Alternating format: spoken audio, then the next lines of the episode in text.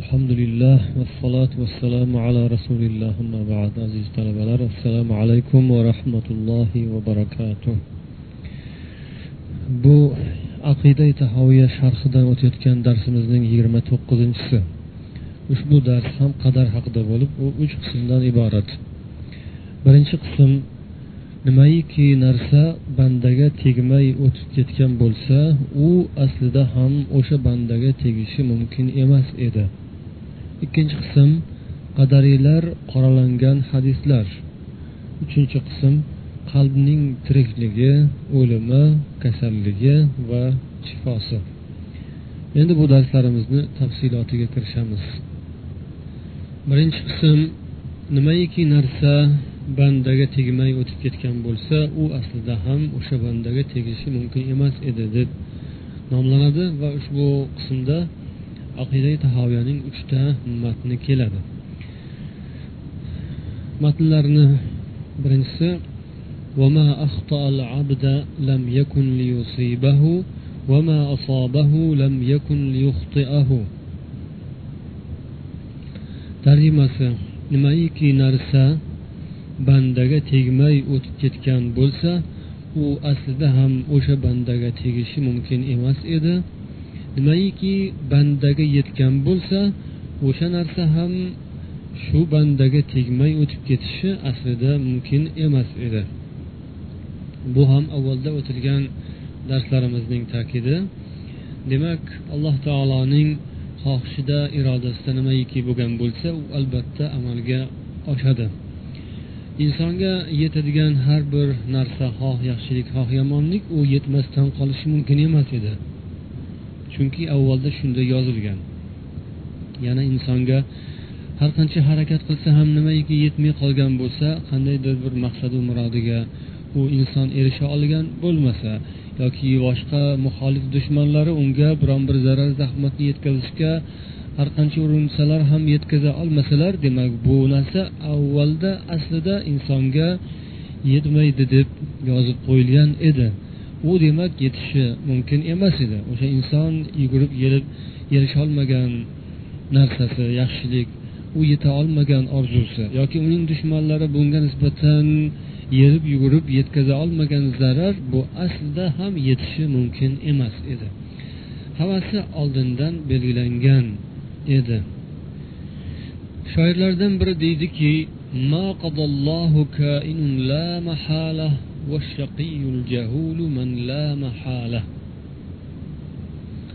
alloh taolo nimaiki qazoyi qadar qilgan bo'lsa u albatta amalga oshuvchidir hech bir iloji yo'qdir. Baxtsiz johil nodon kimsa esa o'zini o'zi malomat qiluvchidir. Ya'ni alloh taolo nimaniki yozib qo'ygan bo'lsa u albatta oshadi amalga. Ya'ni yomonlikdan biron bir zarar zahmat yetishini alloh taolo yozgan bo'lsa undan qochib qutulishning iloji yo'q. Baribir bo'ladi.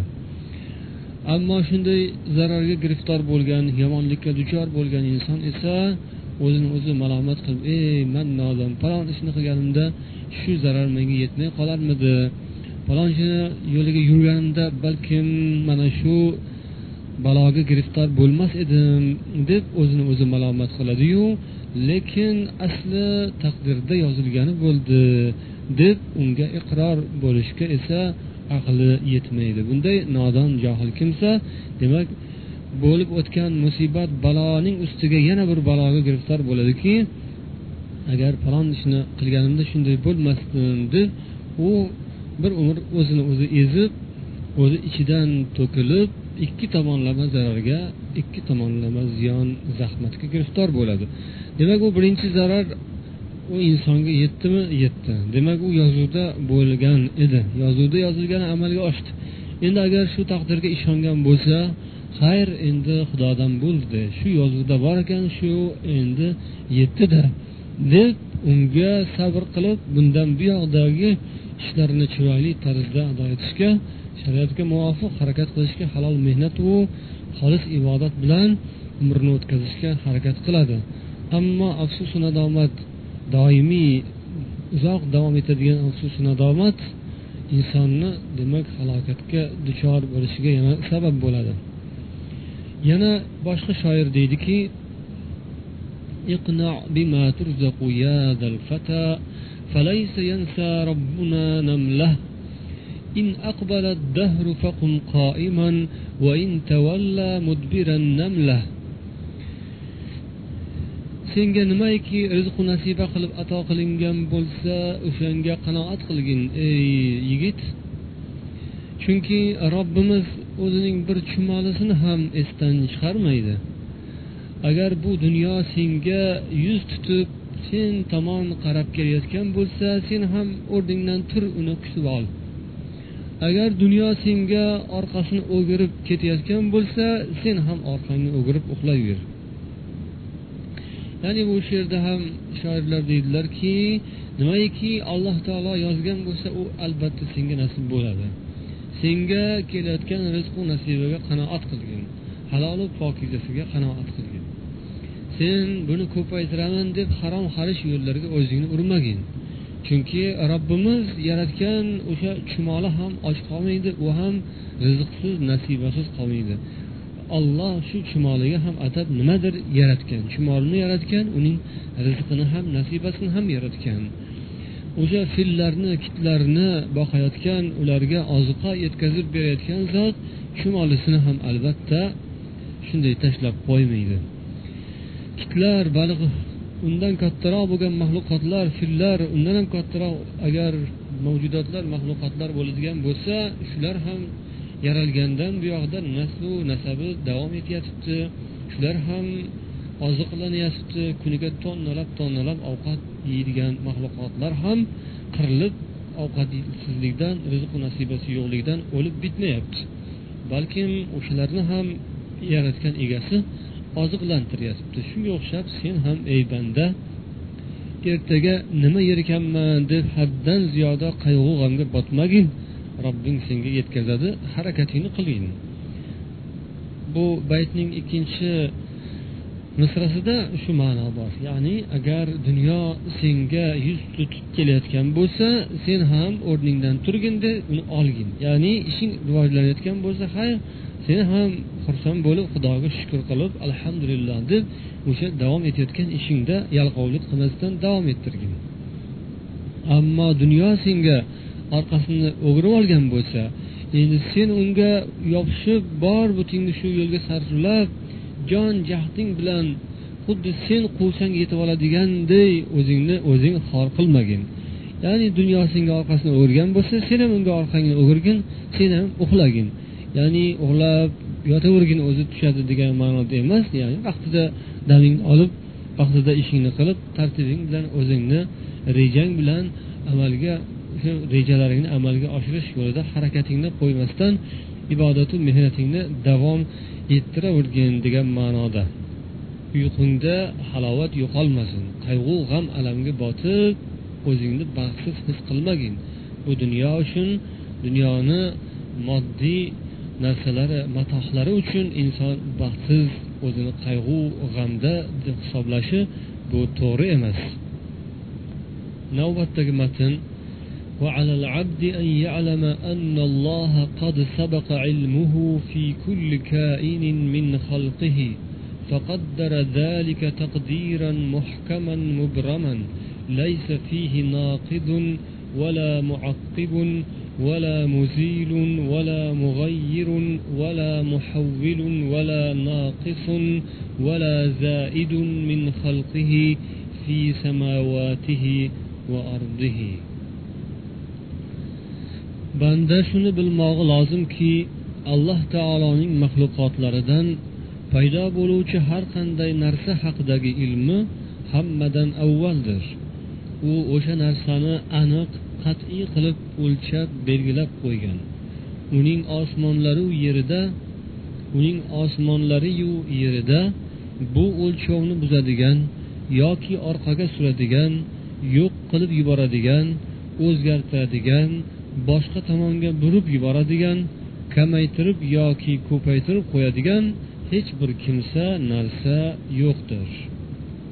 Ushbu matnda ham avvalda o'tganimizdek alloh taolo maxluqotu mavjudotlarni yaralmasdan avval juda ham yaxshi bilganini anglashimiz mumkin. Biz avvalda hadislarda o'qib o'tdik alloh taolo osmonlaru yerni yaratmasidan ellik ming yil oldin barcha narsalarning taqdirini yozgan o'lchovlarini hammasini belgilab qo'ygan. Shunday qilib alloh taolo narsalar voqealar hodisalar qachon qay tarzda qanday kayfiyatda qanday kamiyatda ya'ni miqdorda sodir bo'lishini bilgan. O'zining hikmati taqozosi bilan hammasini aniq qilib yozib qo'ygan. Bu maxluqotlarni turli xil voqea hodisalaru narsalarni ajoyib tarzda judayam bir g'aroyib hikmatlar bilan sirru asrorlarga to'la holda sodir bo'layotganligini ko'rib turib har qanday aqlli inson bu ishlarni joriy qilayotgan boshqarayotgan yaratayotgan zot demak oldindan bularni hammasini bir biriga muvofiq mutobiq tarzda ajoyib bir muvozanatda belgilab qo'yganligiga iqror bo'ladi. Bu narsa faqat narsalarni oldindan biluvchi zot tomonidangina shunday qilinishi mumkin ekanligini tushunadi. Yer osmondagi mavjudotlarning aylanishi harakatlanishi paydo bo'lishi va o'lishi bu hammasi ketma ketligi bir biriga xalaqit bermasligi bir birini demak to'lg'azishi hammasi bir biriga uzviy bog'liqligi muvozanati judayam nozik tarzdagi muvozanati mavjudligi. Demak bu narsa oldindan biluvchi bir zot borligiga ishora qiladi. Demak nozik jihatlari bilan oldindan bilishiga bu narsalar dalil bo'ladi. Ammo mo'tazillalarni haddan oshganlari esa alloh taolo narsalarni azaldan avvaldan bilishini inkor etganlar. Ular deydilarki olloh bandalarining harakatlarini fe'llarini to o'sha fe'lni sodir qilmagunlaricha bilmaydi deydilar. Qandayyam yomon noto'g'ri so'zni aytadilar.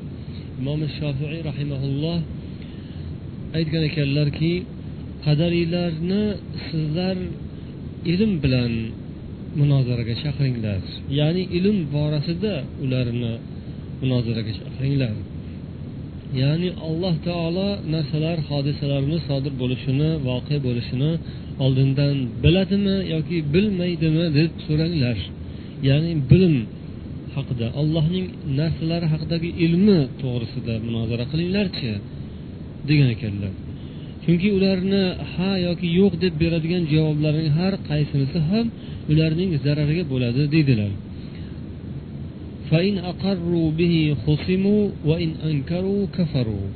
Agar o'sha ilm sifatini iqror etsalar ular mot bo'lgan bo'ladilar. Inkor etsalarchi kofir bo'ladilar degan ekanlar. Ya'ni olloh narsalarni oldindan biladimi deb so'ranglar agar ular ha biladi desalar ya'ni ollohni ilmini tan olsalar unda ya'ni allohni alim sifatini tan olsalar unda mot bo'lgan bo'ladilar. Demak o'zlarini e'tiqodlariga qarshi gapirgan bo'ladilar. Alloh alimmi hamma narsani biluvchimi? Agar ular ha desalar biladi desalar demak unda demak alloh hamma narsani oldindan bilgan yozgan taqdir qilgan ekanini iqror etgan bo'ladilar mot bo'ladilar o'zlarini e'tiqodlariga qarshi gapirgan bo'ladilar. Agar yo'q desalarchi ya'ni yo'q olloh bilmaydi desalar unda ollohni alim sifatini inkor etgan bo'ladilar. Bu kofirlikdir. Allohning sifatlaridan birortasini inkor etgan odam kofir bo'ladi. Degan ekanlar. Olloh insonlarni avvaldan harakatlarini biladi. Ularni shu ishlarni qilishga qurblari yetish ya'ni qudratlari yetishini ham biladi. O'sha qudratlari yetgan narsaga buyurgan qudratlari yetgan narsani allohning buyrug'iga binoan bajo qilganlarni ado etganlarni mukofotlaydi ularga savob ato qiladi. Yana bir inson esa alloh taolo buyurgan buyruqlarga toqati qudrati yetadiku lekin uni bajarmaydi. Uni olloh azoblaydi. Va buni alloh taolo azoblashi o'sha inson qudrati yetadigan narsani qilmagani uchun azoblaydi va buni ham oldindan bilgan. Ya'ni shu inson bu ishga qudrati yetadi lekin u ishni qilmaydi va bu tufaylidan u azobga yoki do'zaxga mustahiq bo'ladi giriftor bo'ladi degan narsani alloh taolo oldindan bilgan. U insonning kuchi yetmaydigan narsani qudrati yetmaydigan narsani buyurmaydi va qudrati yetmagan narsani qilmasa qilmagani uchun azoblamaydi alloh azoblashi qudrati yetmagan narsaga emas balkim inson qilishga qudrati kelib qurbi kelgan narsani amalga oshirmagani uchun u azoblanadi. Lekin bu narsalarni hammasini olloh oldindan biladi. Ba'zilar shu o'rinda savol berishi mumkin. Ya'ni bir insonni demak dunyoda bir olloh buyrug'ini bajarmaganini va shu tufaylidan do'zaxga giriftor bo'lishini olloh biladi dedik. O'sha bajarmagan ishiga u inson qodir ham dedik. Qodir bo'lsayu mabodo shu ishni u bajarib qo'ysachi unda nima bo'ladi? Ollohni bilganiga teskari bo'ladimi degan savol beriladigan bo'lsa yo'q bunaqa bo'lishi mumkin emas deb javob beriladi. U inson agar qodir bo'la turib o'sha ishni demak bajardimi? Bu ollohni ilmini teskarisi bo'ldi emas balkim allohning ilmini muvofiq allohning ilmiga muvofiq bo'ldi. Shunday bo'lishini olloh oldindan bilgan bo'ladi.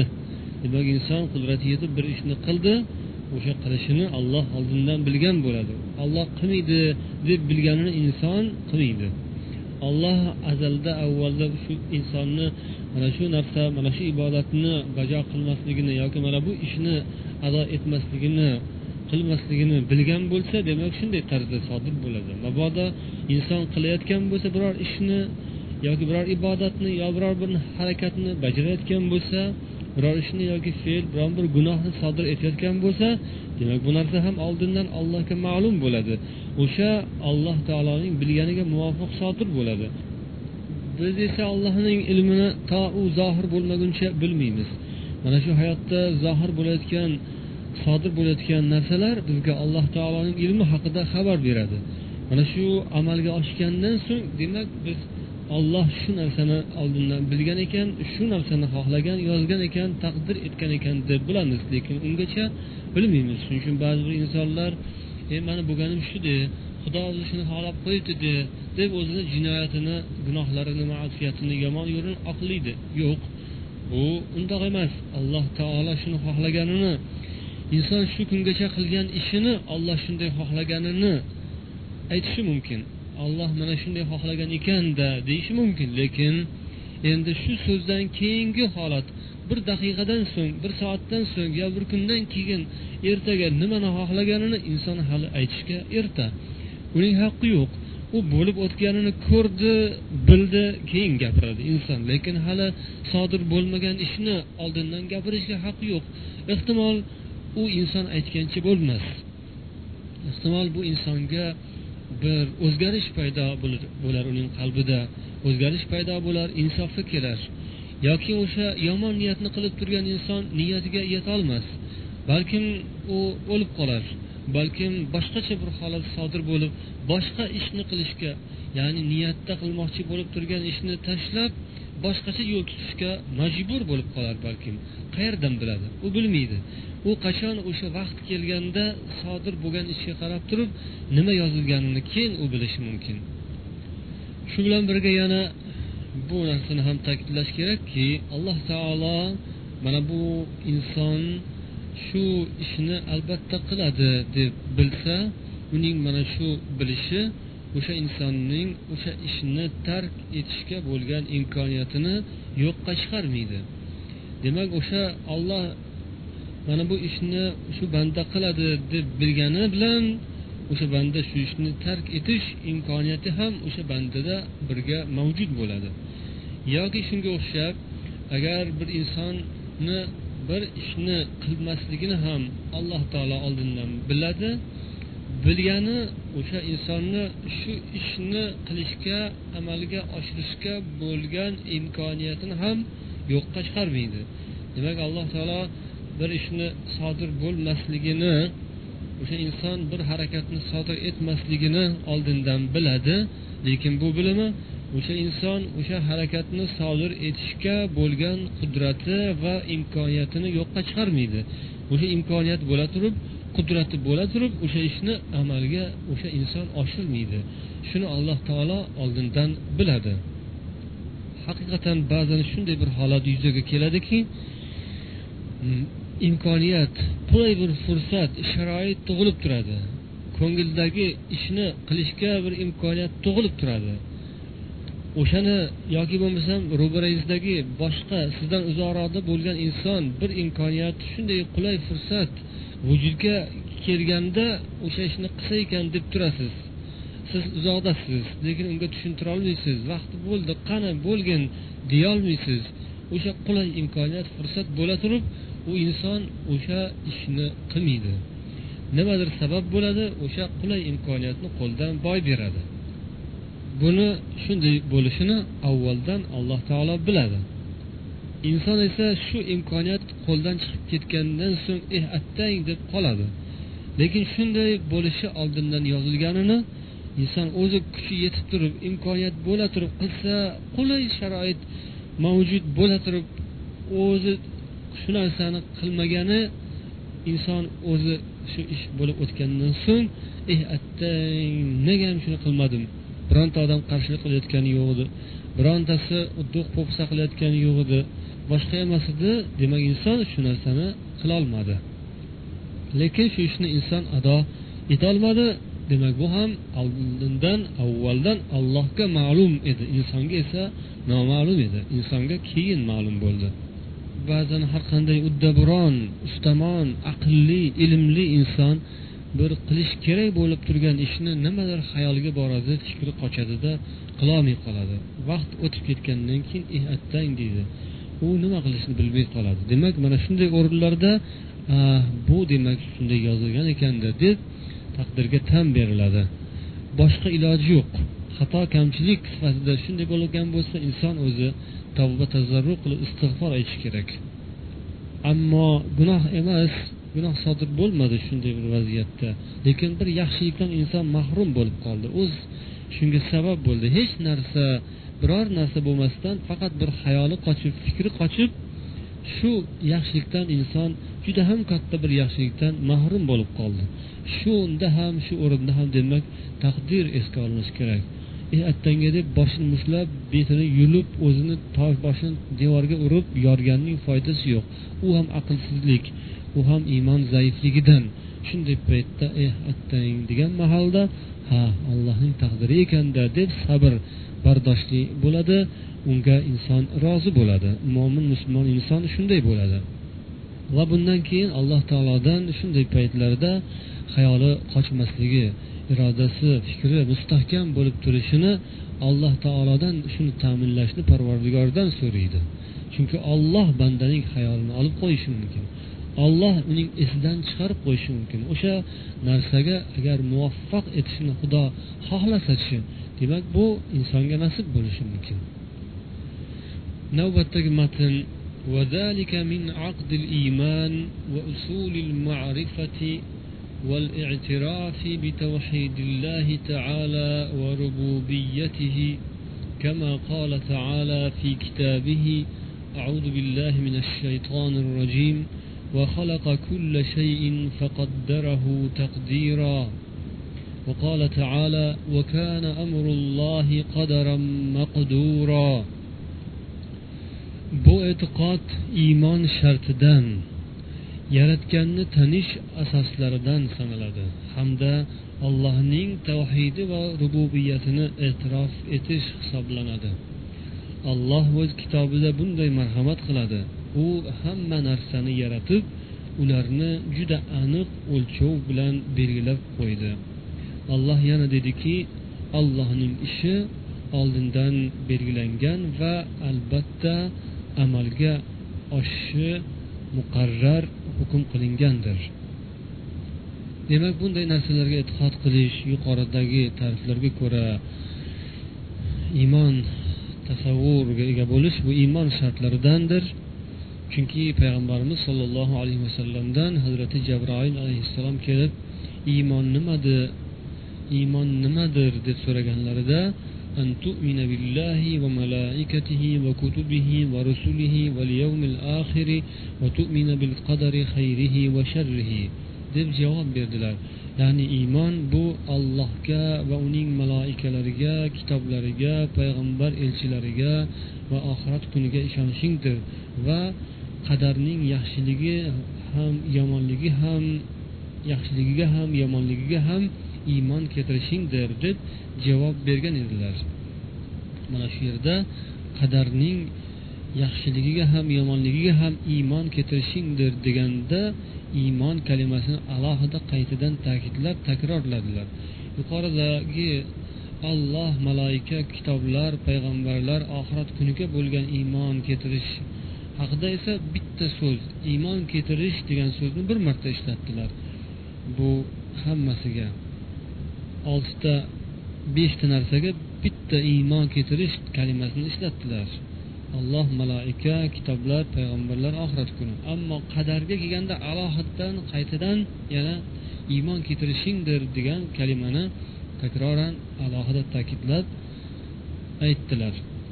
Bu ham iymon masalasida taqdirga iymon keltirish nuqtasi alohida o'rin tutishiga bir ishoratdir. Matnda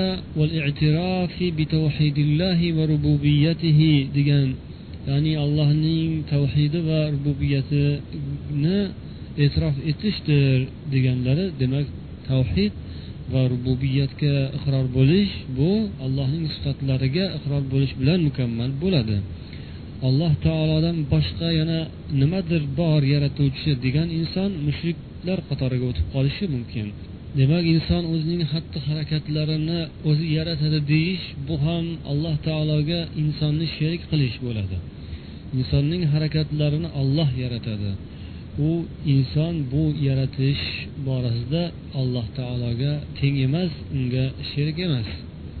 Endi darsimizning ikkinchi qismiga ko'chamiz. Bu qadariylar qoralangan hadislar haqida.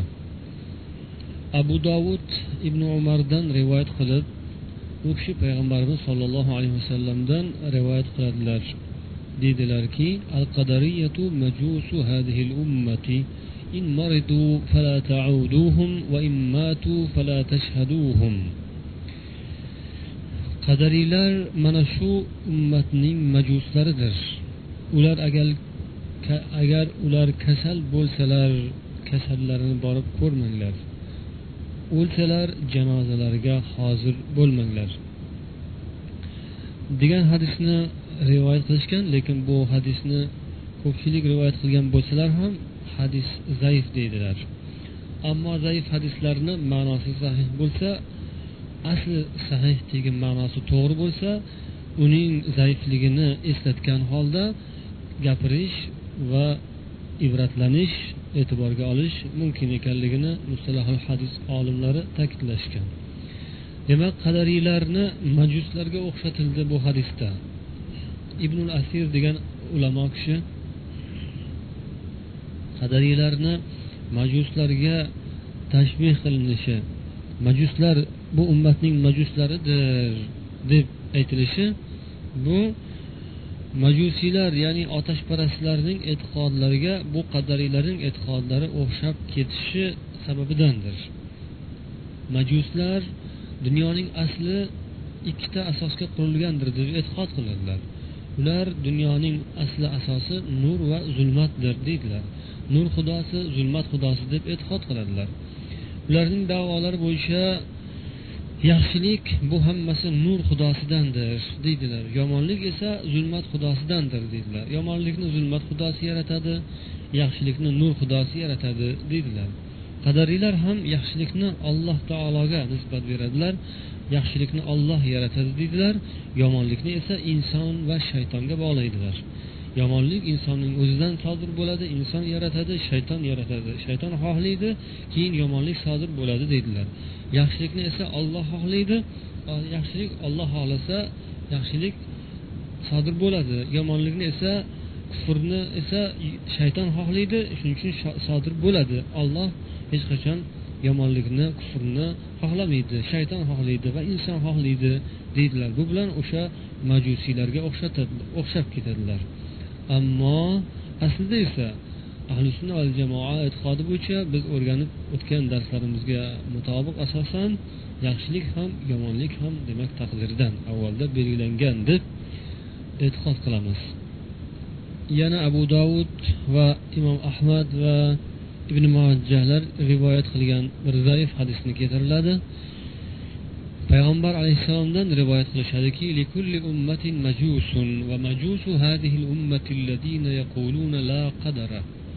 har bir ummatning ichida majuslari bo'ladi. Mana bu ummat ya'ni payg'ambarimiz o'zlarining ummatlariga ishora qilib deydilar. Mana bu ummatning ichidagi majuslari esa qadar yo'qdir oldindan taqdirga belgilab qo'yish yo'qdir deb aytadigan odamlardir.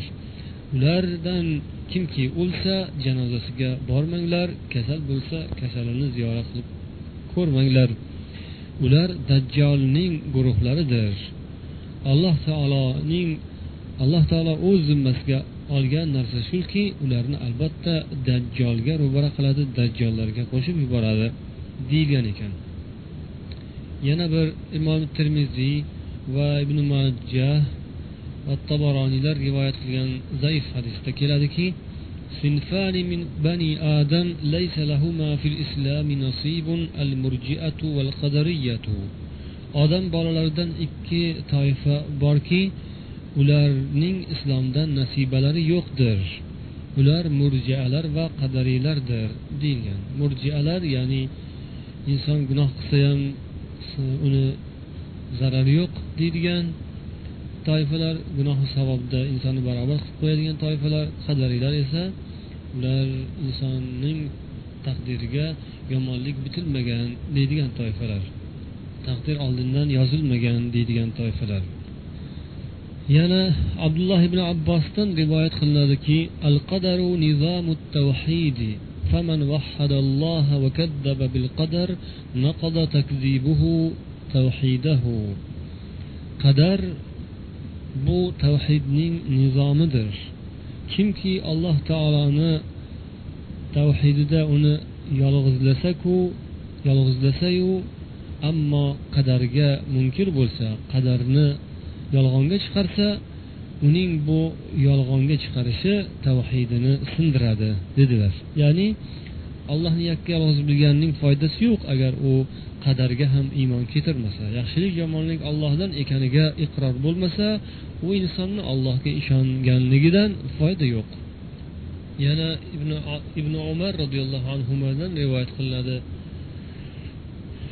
U kishiga qadarni yo'q deydigan odamlar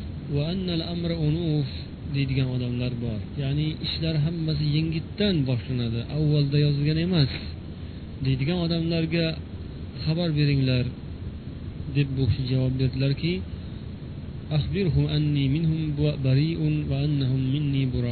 ularga aytingki men ulardan bezorman ular mendan bezor.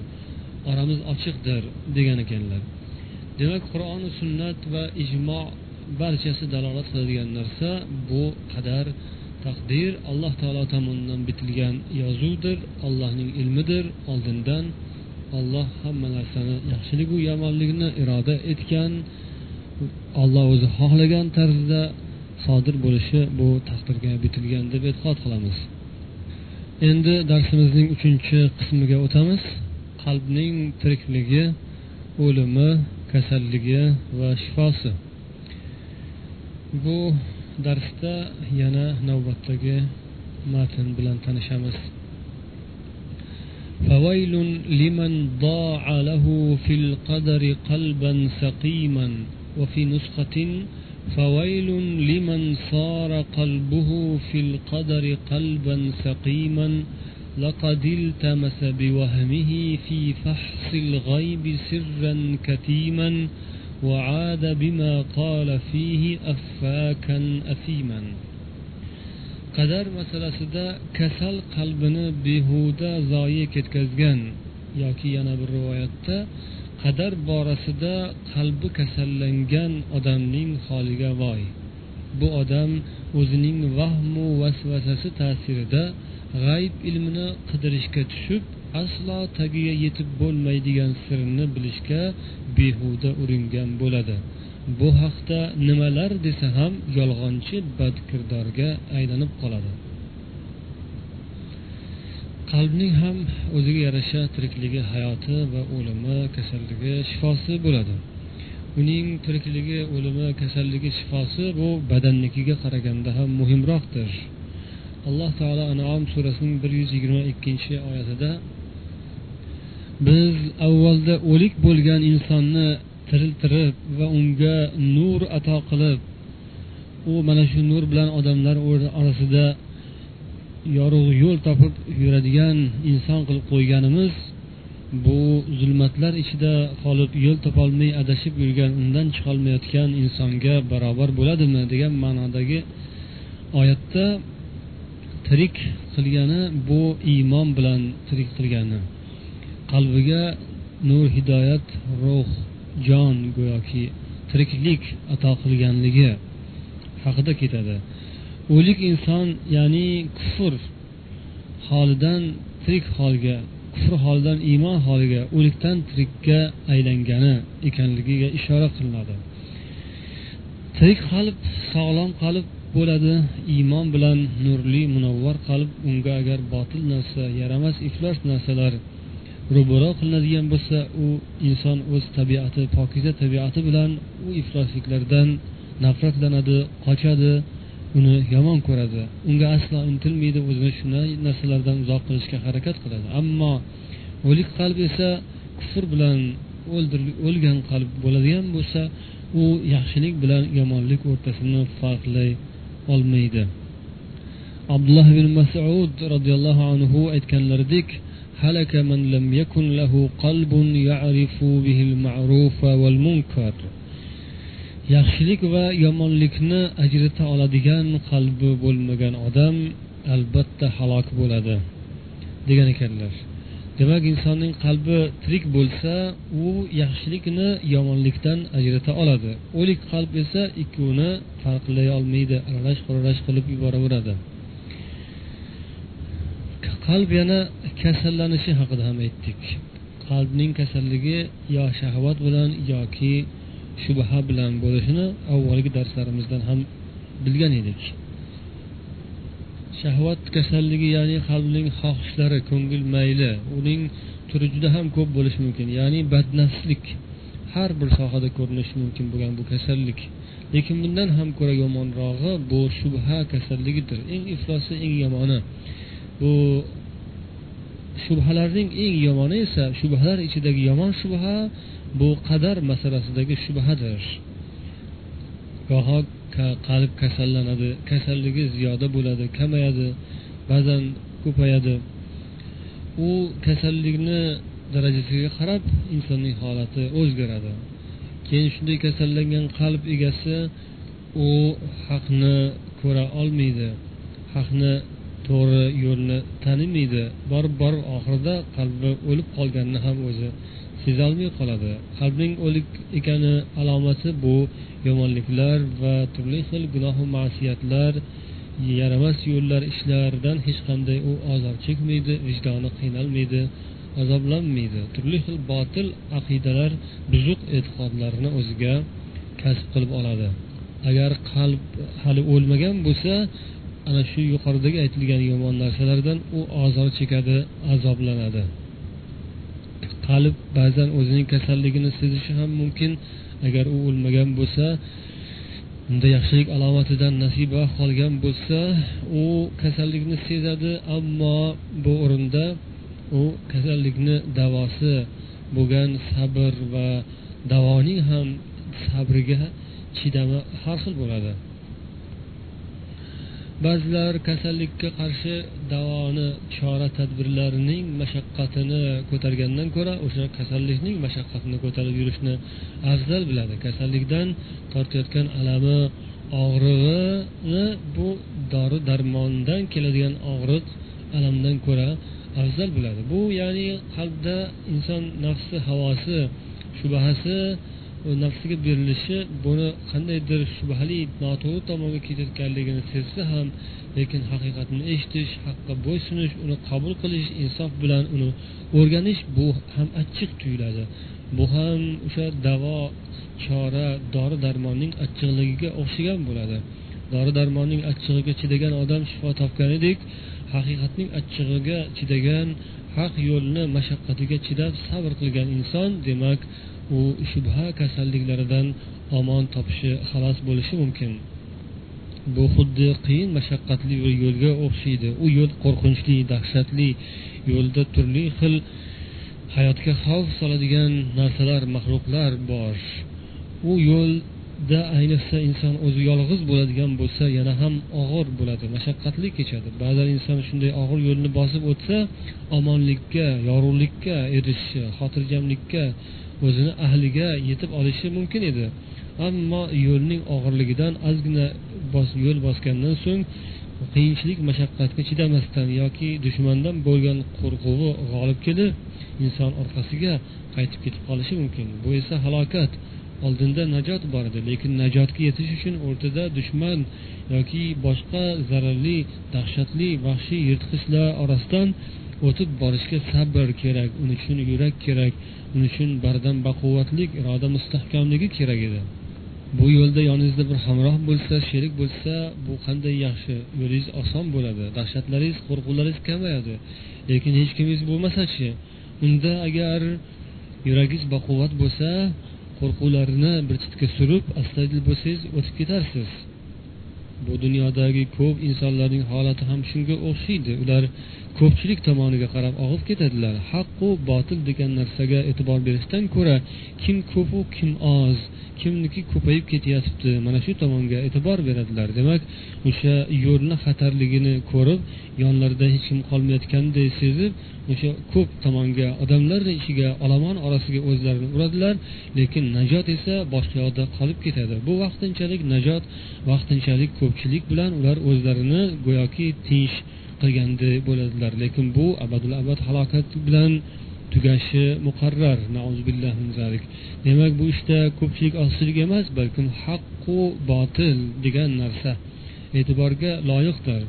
U yo'lda hamroh bo'lgan yo'ldoshlarini ozligi unga e'tibor qaratish lozim emas. Chunki bu yo'ldan yaxshi odamlar oldinroq o'tib ketishgan. Mana shu yo'ldan sahobalar yurishgan tobeinlar yurishgan yaxshi insonlar shahidu shuhadolar mana shu mashaqqatli yo'ldan o'tib ular maqsadga murodga yetishgan. Endi bu yerda hozir siz o'zingiz yolg'iz qolgan bo'lsangiz bu yoqda ko'pchilik turgan bo'lsa ham o'sha oldindan yaxshilar o'tgan yo'l yana shu yo'l og'ir yo'l mashaqqatli bo'lsada shu yo'ldan qolmaslik kerak. Oldin mana shu yo'ldan bosib o'tgan yaxshi insonlarni go'yoki yonimizdalar deganday bir o'zimizga qalbimizga madad bilan ular biz bilan birga hamrohdek qur'oni sunnatdan agar ularning hikoyalarini nasihatlarini o'qisak xuddi ular biz bilan birga shu yo'lda ketayotganday his etib o'zimiz yolg'iz bo'lsak ham ular bilan birga o'zimizni hisoblasak inshaalloh bu allohning madadi yordamiga sabab bo'ladigan narsa. Hadislarda jamoatga birlashish jamoatga qo'shilish haqida ko'p targ'ibot tashviqotlar bor. Lekin bu jamoat degani odamlarning soni ko'pchilik degani emas. Bu jamoatdan murod avvalda o'tgan jamoat ya'ni sahobalar roziyallohu anhuning jamoalari payg'ambar sahobalarining jamoalari va ularga ergashgan yaxshi insonlar ulamolar olimlar tobeinlar ning jamoalari nazarda tutiladi. Agar u jamoa o'tib ketgan bo'lsa ham ulardan bugungi dunyoda ozroq inson qolgan bo'lsa ham lekin o'shalar bilan birga bo'lish bu jamoat bilan birga bo'lish shu deb tushuniladi. Ahli sunna va jamoa deganda biz shuni tushunamiz.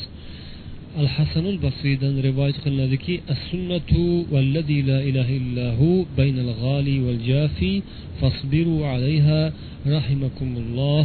فإن أهل السنة كانوا أقل الناس فيما مضى وهم أقل الناس فيما بقي. الذين لم يذهبوا مع أهل الإتراف في إترافهم ولا مع أهل البدع في بدعهم وصبروا على سنتهم حتى لقوا ربهم فكذلك فكونوا. سنة بو الله تعالى قسمك g'oliy va jofiyning o'rtasidadir deydilar al hasanul basriy g'oliy ya'ni haddan oshish.